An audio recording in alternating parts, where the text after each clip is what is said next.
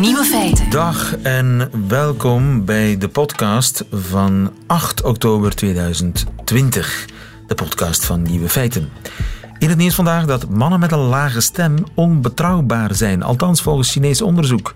De onderzoekers vroegen aan enkele mannen om een reeks woorden voor te lezen en ook een vragenlijst in te vullen over hun opvattingen over ontrouw in een relatie. Conclusie: hoe lager de stem, hoe onbetrouwbaarder de man.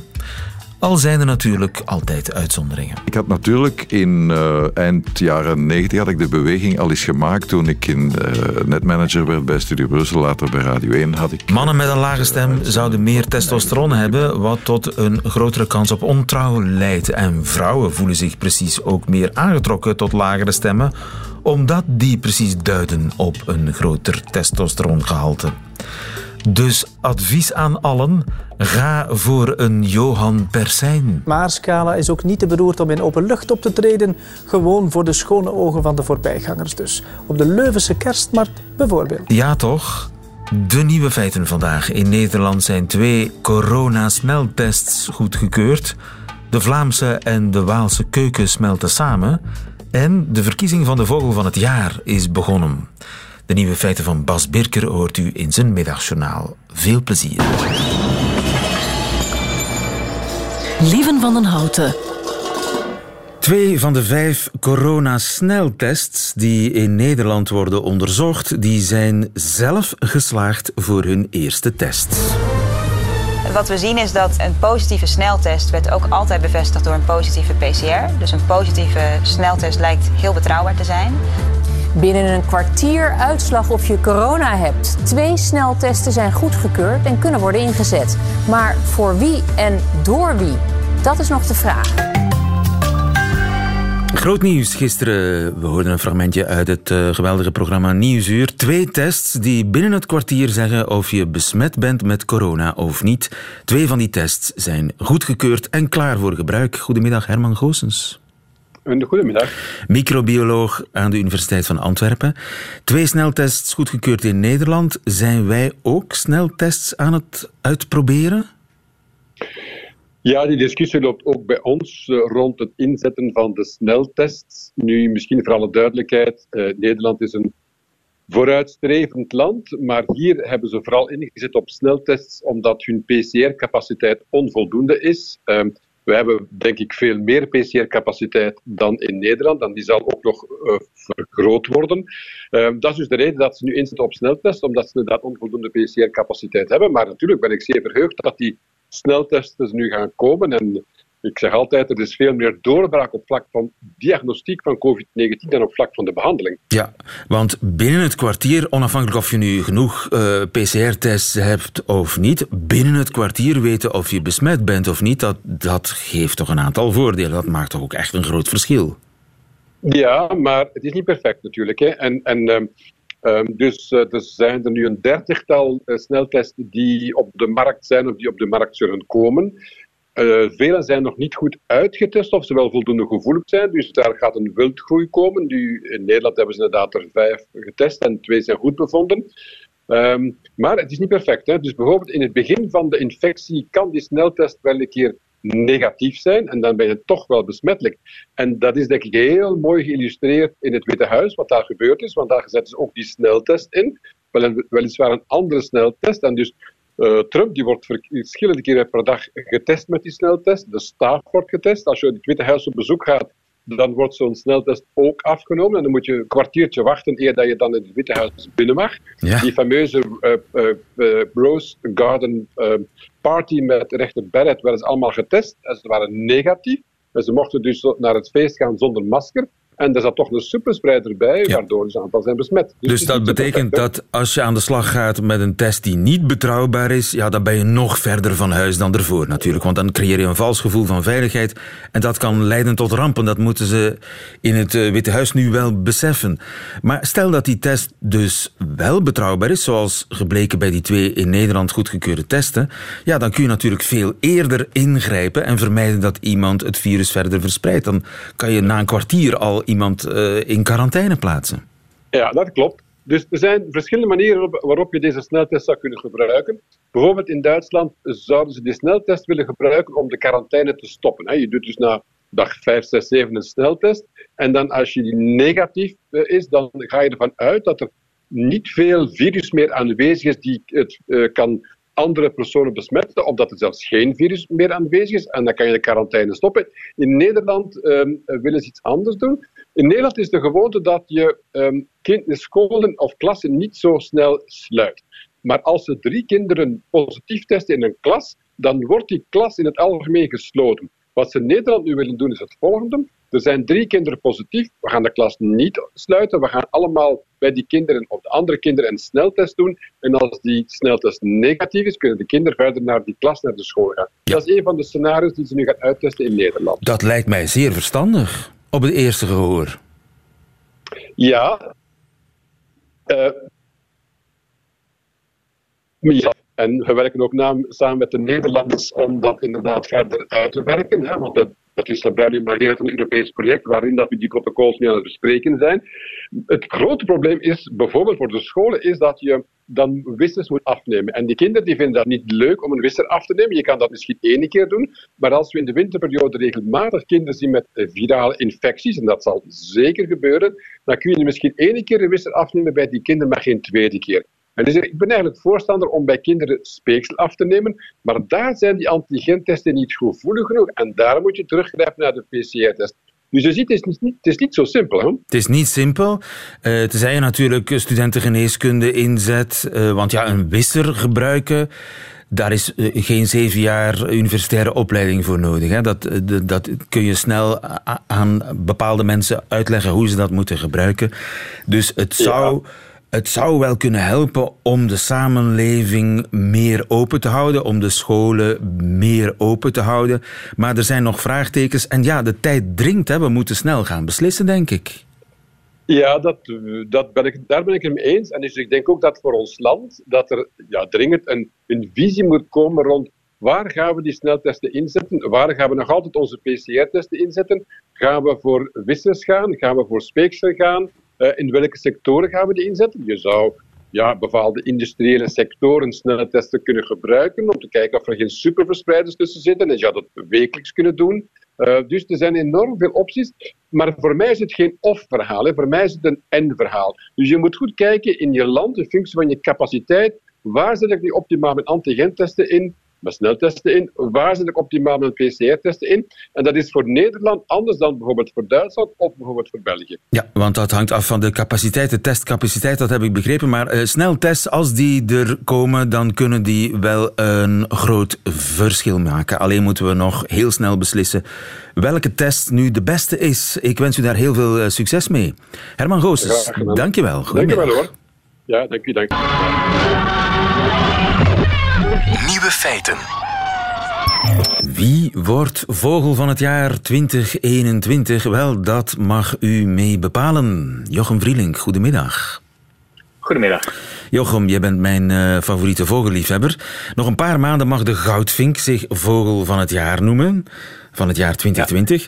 Vogelbescherming Vlaanderen zet elk jaar 12 vogels in de kijker, waaruit uh, het grote publiek, wij allemaal, dan de vogel van het jaar mogen kiezen. Uh, er is elk jaar een thema. Wat is dit jaar het thema? Het thema is uh, wat bijzonder. Vaak is het, of ja, niet vaak, maar in ieder geval soms is het in de regel om, om, om soorten die het wat moeilijk hebben uh, onder de aandacht te brengen. Het is ook wel eens ja, soorten die in het nieuws zijn geweest. dit jaar is het, is het wat bijzonderder nog. men heeft gezocht naar vogels die een bepaalde link hebben met, met de spoorwegen. een link met de spoorwegen? Het met de spoorwegen, rails, spoorwegen, stations uh, en dergelijke meer. En dat is omdat 2021 ook het Europese jaar van de spoorwegen is. Dus ik denk dat men daarbij heeft, uh, heeft willen aanhaken. Maar de, um, dus ongeveer alle vogels uh, passeren wel eens een spoorweg, neem ik aan. Nou ja, dus de, soms is het misschien wat ver gezocht. Het gaat om soorten deels die je wellicht uitschijnen kan zien. Maar je ziet ook, er zijn een aantal hele, hele typische soorten. Soorten die je inderdaad heel veel ziet in stations of, of die, die nestelen op, uh, uh, op, uh, op, op de palen van de, van de sporen. Dus, dus er zijn een aantal duidelijke links gezocht. het is niet slecht gedaan. Jochem, je staat toch niet op speaker, hè? Sta je op speaker? nee, niet speaker. Nee, omdat het klinkt, klinkt een beetje alsof je op speaker staat. Maar goed, eh, eh, dus ik moet gaan, gaan kiezen. En eh, deze bijvoorbeeld ken ik wel. Dat is een, dat is een duif, hè? Dat is een van de twaalf. Vogels van het jaar, Ja. kandidaten. De houtduif. De houtduif, inderdaad, want je hoort, het, eh, je hoort het heel duidelijk aan die laatste twee lettergrepen. Dus je hebt ook nog andere duiven, waaronder de Turkse tortel, die grijze hè, met die zwarte streep in de nek. Eh, en die heeft die laatste twee lettergrepen. Zou, Die doet roe, koe, koe. Ja. Eh, en deze doet, ja. moet ik daarvoor stemmen, Jochem? moet je daarvoor stemmen? Voor mij moet je niet. Eh, Ga jij daarvoor stemmen? Het is, ik ga daar zelf niet voor stemmen. Ik ga er zelf niet voor stemmen. Ik ga voor een andere eh, kandidaat, eh, mogelijk komt die later nog aan bod, eh, stemmen. Ehm houtduiven, goh, het is wel een leuke soort hoor. Het, is, het, is, het is op zich een mooie duif. Het is een hele grote duif. de grootste die we, die we hebben. Mooie kleuren ook, heel zichtbaar. Ehm, en, en ook heel algemeen, hè? Een van de, van de meest algemene vogels die we, die we hebben. Dat is een musje. Een gewone, het klinkt als een gewone mus. Is dit een gewone mus?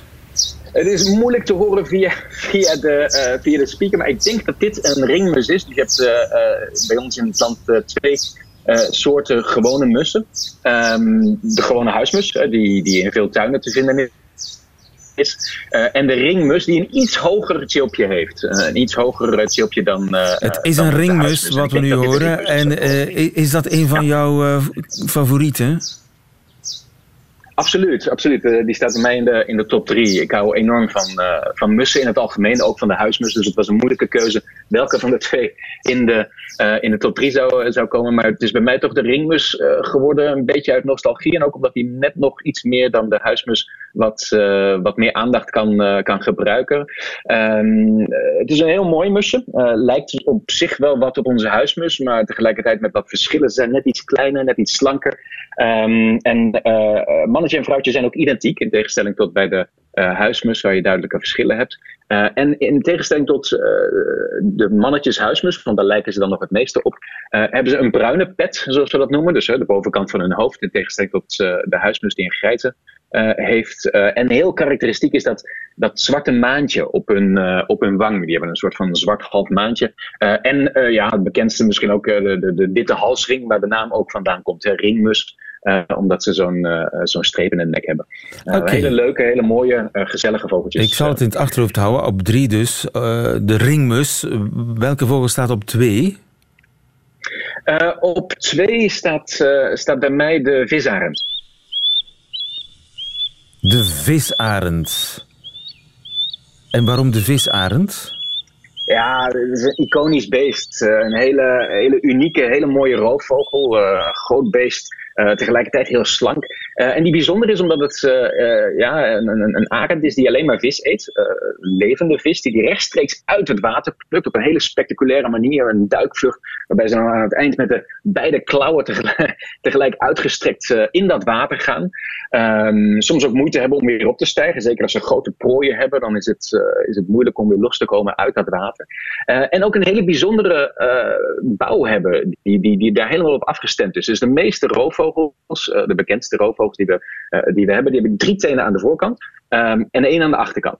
Eh, en deze, deze arend, de visarend, die heeft een soort van opponeerbare teen. Dus die, die, die kan, eh, als die op een tak gaat zitten, doen wat een gewone eh, roofvogel doet. Dus drie tenen aan de voorkant, eentje aan de achterkant. Eh, maar op het moment dat hij die vissen pakt, kan die ook één van die tenen naar achter buigen. Waardoor hij veel meer vat heeft op, op die super glibberige beesten natuurlijk. Zodat hij twee eh, eh, tenen in de voorkant kan boren en twee in de achterkant. Eh, zodat die vissen niet, eh, niet losgelaten kunnen. Wauw, eh, draaibare tenen zeg. Een, Een een, draaibare teen. Een draaibare tenen. Ja. ja, ik wou dat ik ze zelf ook een had. bijzondere soort ook. Je ziet hem niet zo heel vaak. Dus het is, het is een leuk beest om te zien als, als vogelaar. Hij broedt hier ook nog niet. Er zijn wel wat broedpogingen eh, geweest al. eh, eh, maar tot nu toe is dat niet, niet geslaagd. Dus dat altijd uiteindelijk mislukt. Maar het zal een van deze jaren binnenkort wel een keer, wel een keer lukken. De visarend op twee. Ja. Dan rest ons nog jouw favoriet.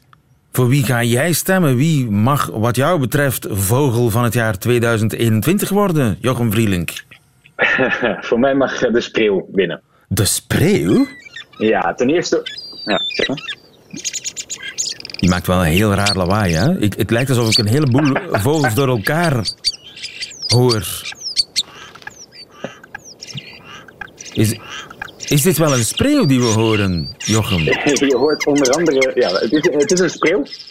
En je hoort tegelijkertijd dat hij allerlei andere soorten nadoet. Hè. Je hoort er kou doorheen, je hoort er, je hoort er van alles en nog wat. Ik hoor een merel uh, erin, uh, erin verschijnen. Maar het zijn allemaal imitaties. Um, en het is allemaal imitatie. Hè? Dus dat is een van de, van de geweldige aspecten aan die spreeuwen. Het is trouwens ook, eh, als we in, de, in het thema willen blijven van uh, wat de vogelbescherming gekozen heeft, namelijk uh, spoorwegen, is het ook echt een soort die je heel veel ziet in stations. Meer misschien nog in Nederland dan in, in Vlaanderen. Maar het zijn geweldige beestjes. enorm onderschat dier ook. Dus ik denk dat hij wel wat, wat meer aandacht kan, kan gebruiken. Mensen denken altijd van het is een soort van klein donker vogeltje, maar ze zijn echt, echt heel mooi. Dus als de zon erop valt, dan hebben die een prachtig ja, iriserend kleed met paars en blauw en groen.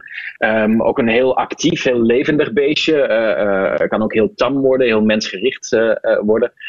en ja, je kent ze ook, ook vooral natuurlijk van, oké, in het broedseizoen zijn ze, zijn ze nogal ieder voor zich, paardjes bij elkaar. Maar buiten dat broedseizoen verzamelen die zich in de winter nu zo in enorme groepen. Maar echt, Juist, ja. ja. groepen van honderdduizenden. Boomvol uh, spreeuwen. Ja, die bekende spreeuwendansen. Hè, met al die, al die figuren die zich dan aftekenen in de lucht. Uh, met ja, echt spectaculaire lichtshows uh, zijn dat. Uh, ja. Spectaculaire airshows eigenlijk, die zo'n ja. school spreeuwen kan maken. En heel spectaculair is ook de, de, ja, de imitatiekunsten. Want ja. zo'n zo'n spreeuw die vaak in het eh, station rondvliegt, die begint dan geluiden te imiteren van zo'n station. Zoals de, de, opengaande en sluitende deuren van, uh, van de trein. Maar ook de rolkoffer die je ja. daar heel vaak uh, hoort. En dit is een spreeuw betrapt in het Centraal Station van Amsterdam.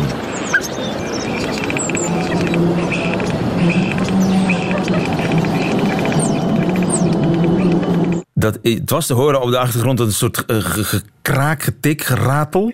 En dat, uh, dat, is, dat was eigenlijk een spreeuw die een rolkoffertje ja. uh, imiteert. Ja, ze zijn, echt, ze zijn echt fantastisch. Ze kunnen alles en van alles en nog wat imiteren. Dus inderdaad, op Rotterdam Centraal hebben biologen ooit vastgesteld dat ze inderdaad het openen van de deuren uh, kunnen imiteren. Met als gevolg dat mensen die daar op hun smartphones zitten te, te kijken, opeens opstaan en denken van hé, hey, mijn trein is er. Maar dat is dan niet zo, want er zit er gewoon een vogel boven hun hoofd. En een treindeur te noodaard. Uh, en die rolkoffers op Amsterdam, dat is een ander prachtig voorbeeld uh, van, van wat ze allemaal in hun zang verwerken. Want hoe bijzonderder die zang, ja, hoe interessanter je bent voor je partner. Uh, hoe meer je laat zien dat je kan, kan improviseren, dat je dingen kan ja. toevoegen, hoe, hoe boeiender je bent als spreeuw. Maar het probleem is wel, ik wil, ik wil best voor de spreeuw stemmen, maar het probleem is toch dat je met zo'n zo verkiezing toch ook een, een vogel wil steunen die het moeilijk heeft. Heeft de spreeuw het moeilijk? Goh, ja, de, de, heel, heel goed gaat het er, uh, gaat het er niet mee. Uh, maar ik vind ook dat los van, uh, los van of het gaat om soorten die het moeilijk hebben, want dat is niet echt de thematiek van dit, van dit jaar, denk ik dat het soms ook een stuk uh, ja, imago-ondersteuning kan, uh, kan zijn. Spreeuwen hebben wat mij betreft... Een, een imago-probleem, de spreeuwen. ja, voor mij daar, wel, ja. Daar moet bedoel, iets uh, aan veranderen. Ze minder populair zijn dan ze zouden moeten zijn. Stemmen kan tot half november en dan weten we zo tegen eind dit jaar of een paar dagen later dan de stemming sluit. Ik geloof dat de stemming tot half november loopt. Weten we wie de vogel wordt van 2021 en dus de opvolger van de goudvink. Jochem Vrieling, dankjewel voor dit stemadvies. Goedemiddag. Graag gedaan.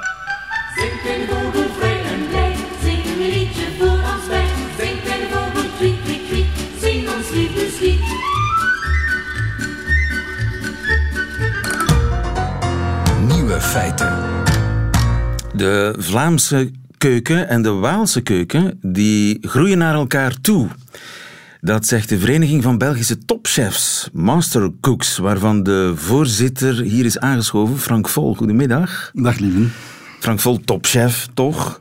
Uh, we kennen jou van dat uh, toprestaurant in Leuven, toch? Hè? De Sire Pinok. Dat is helemaal juist, ja. En jij bent voorzitter van de Mastercooks. Uh, de Vlaamse en de Waalse keuken groeien naar elkaar toe. Ik moet eerlijk zeggen, Vlaamse keuken, wat moet ik me daarbij voorstellen? Ik wist niet eens dat die bestond. Ah, oké. Ja, wel, het is, het is natuurlijk zo. We moeten eigenlijk teruggaan naar het begin van het verhaal. En dat is dat uh, chefs in Brussel ja, beïnvloed waren door de Franse keuken. Hè. Dus daar is het allemaal begonnen. Dus de eerste toprestaurants, laat het ons zo noemen, waren in het Brusselse. En natuurlijk gingen ook Vlamingen naar Brussel en ook Walen naar Brussel werken hè, en gingen daar in die toprestaurants uh, hun ding doen. En dan, dat is de start van de Belgische keuken, neem Dat is de aan, start van de Belgische keuken. De Belgische keuken. Ja. Dus maar daar hebben ze leren koken, als het ware. Een Vlaamse keuken en een Waalse keuken. En een Brusselse keuken. Ja, maar eigenlijk is het, komt het allemaal wel een beetje samen. Hè. De, zoals ik zeg, de, de, de basis begint in Brussel. Dan trekt iedereen naar zijn eigen regio. Hè, ontdekken daar fantastische producten. Hè. Het is bijvoorbeeld de, de, de eerste mosselen werden geserveerd in Brussel. Dat had zoveel succes. En dan nadien is dat uh, natuurlijk ook in Vlaanderen een succes geworden. En dan zijn we beginnen zien dat we ja, toch wel fantastische producten hadden. Hè. De, de Noordzee bracht bepaalde producten voor. Uh, de, de, onze typische uh, Noordzee-grijze garnalen, waar we heel fier op zijn, zijn een, een, typisch product van de Vlaamse keuken geworden. Ah, dus garnalen Vlaams. Ja, ja, ja. Tomaat crevet. Tomaat crevet is een van de afgeleiden. Hij is ondertussen een icoongerecht geworden. Uh, ik denk dat er, als we het restaurant zouden tellen waar we dat kunnen eten, dat dat immens zou zijn. En dat is dus een van de iconische Vlaamse gerechten. Ja, maar er zijn er veel. Hè. Er zijn er... Noem nog eens een paar. Oh, we hebben de, de Gentse uh, hutsepot. Hè. De, de, we hebben... Gentse waterzooi. Waterzooi, pardon. Waterzooi. Ja, maar de hutsepot ook. Hè. Dat is ook, uh, ook zoiets. Ik, ik, meng nu twee dingen. Uh, we, hebben, we hebben natuurlijk onze fantastische groenten waar we heel fier op zijn. Hè. Het, het grondwitloof, de bloemkool, de asperges. Maar wacht eens even, witloof, was dat niet Brussels? Dat is de regio een beetje toch ook wel in Vlaanderen, mogen we wel zeggen. Hè. De, het Hageland, uh, de regio uh, rond, rond Brussel hè, was het uh, grondwitloof. de asperges, ja, dat, dat is nou, typisch Mechelen. De, de, bloemkool is typisch Mechelen. Bloemkool is Mechels? Ja. En, en hesperolletjes, dus van die, van die witloof in hesp in ham gerold. Dat is zo een, een van die iconische gerechten, hè, die typisch toch wel Vlaams is. Vlaams. Ja, ja, ja, ja. Maar zo heb je natuurlijk uh, dezelfde beweging in Wallonië gehad. Hè, dus dat uh, de chefs, en we zien dat vandaag uh, nog meer, eigenlijk is het een Belgische keuken, mogen we toch wel zeggen. Hè? Maar er zijn accenten. Er zijn accenten in Wallonië, er zijn accenten in Vlaanderen. Uh, Brussel heeft niet en, veel en, eigen en, producten meer. Noem dan eens een typisch Waals of een eerder Waals, want je zegt het is eigenlijk toch sowieso Belgische keuken allemaal, maar er zijn Vlaamse en Waalse accenten. Wat is nu zo echt een Waals? Waals accent? Ah, wel, dan kunnen we bijvoorbeeld gaan kijken naar de, de rivierkreeftjes, hè, de, de, de, de forel. Hè, dat zijn eh, producten die typisch de charcuterie, alles wat gerookt is, dat komt vandaar. Vandaag mogen we zeggen dat in Wallonië het, het uh, bio-verhaal enorm uh, in is. Uh, we hebben natuurlijk ook over heel het land bier.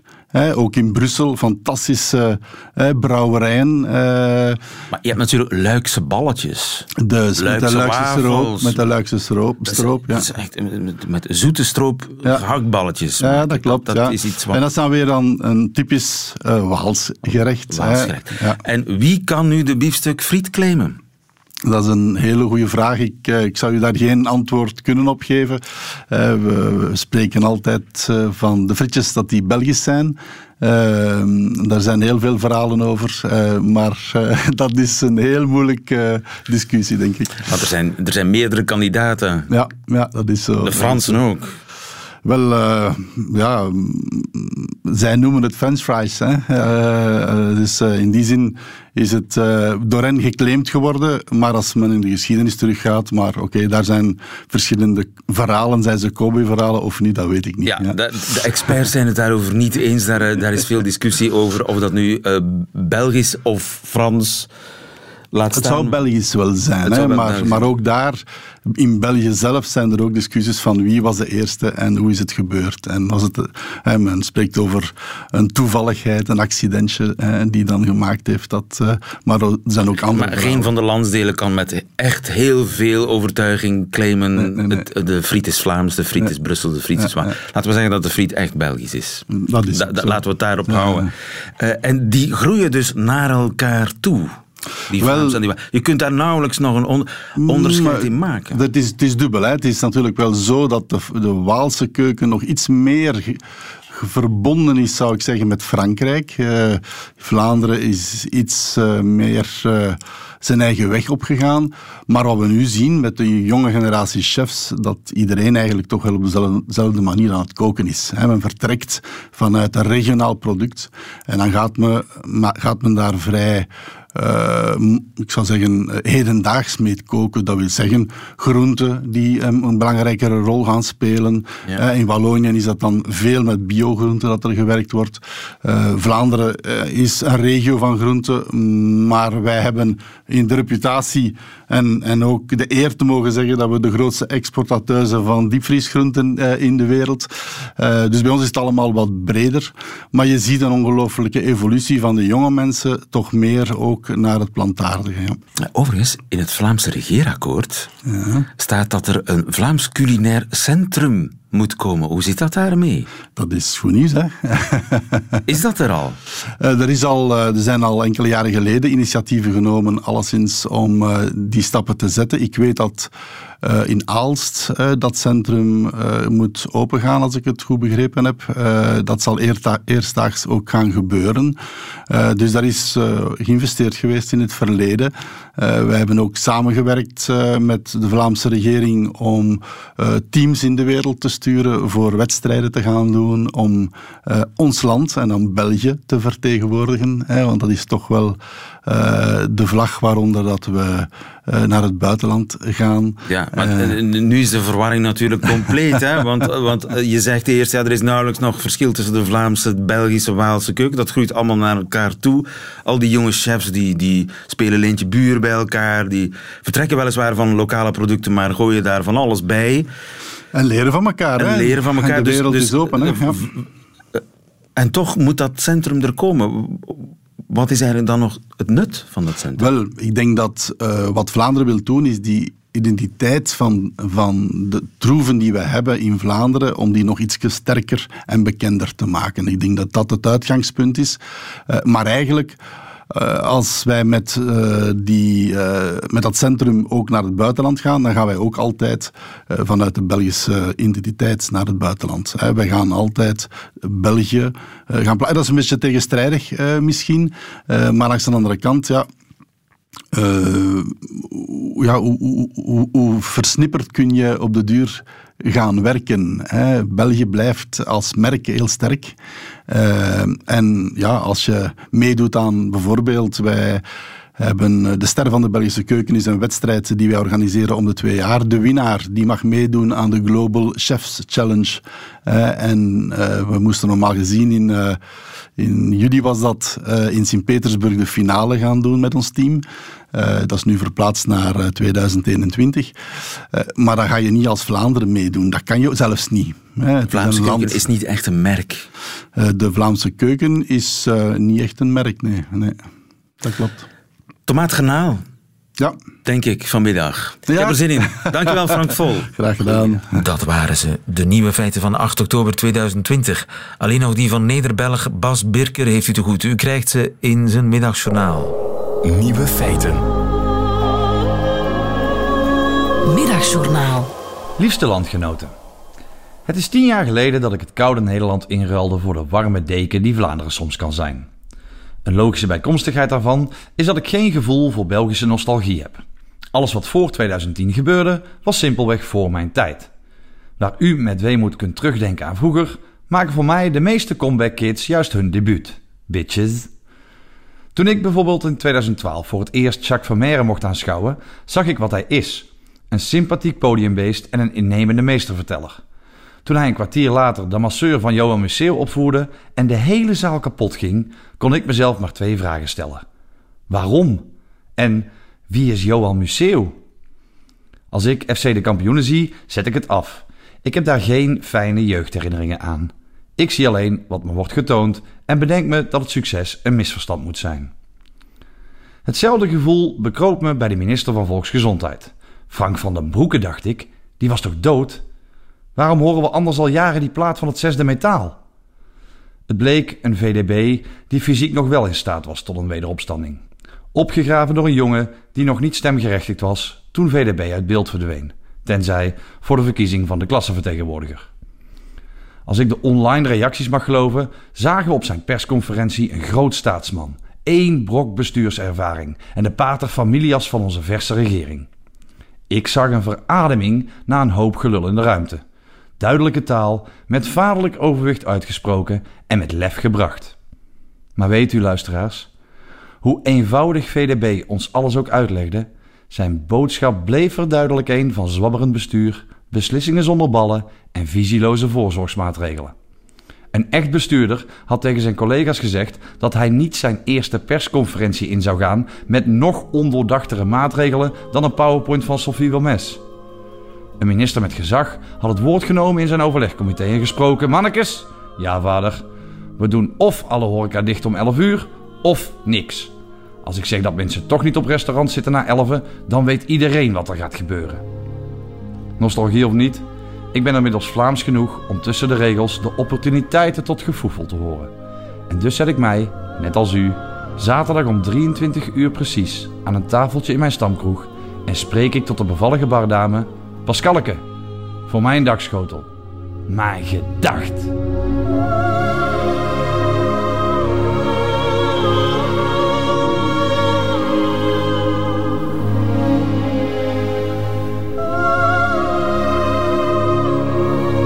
Het Middagjournaal met Bas Birker. Einde van deze podcast. Maar hoort u liever de volledige uitzending van Nieuwe Feiten? Dat kan natuurlijk ook in uitgesteld relais via de Radio 1 site of de Radio 1 app. Waar overigens nog veel meer fijne podcasts te vinden zijn. Tot een volgende keer.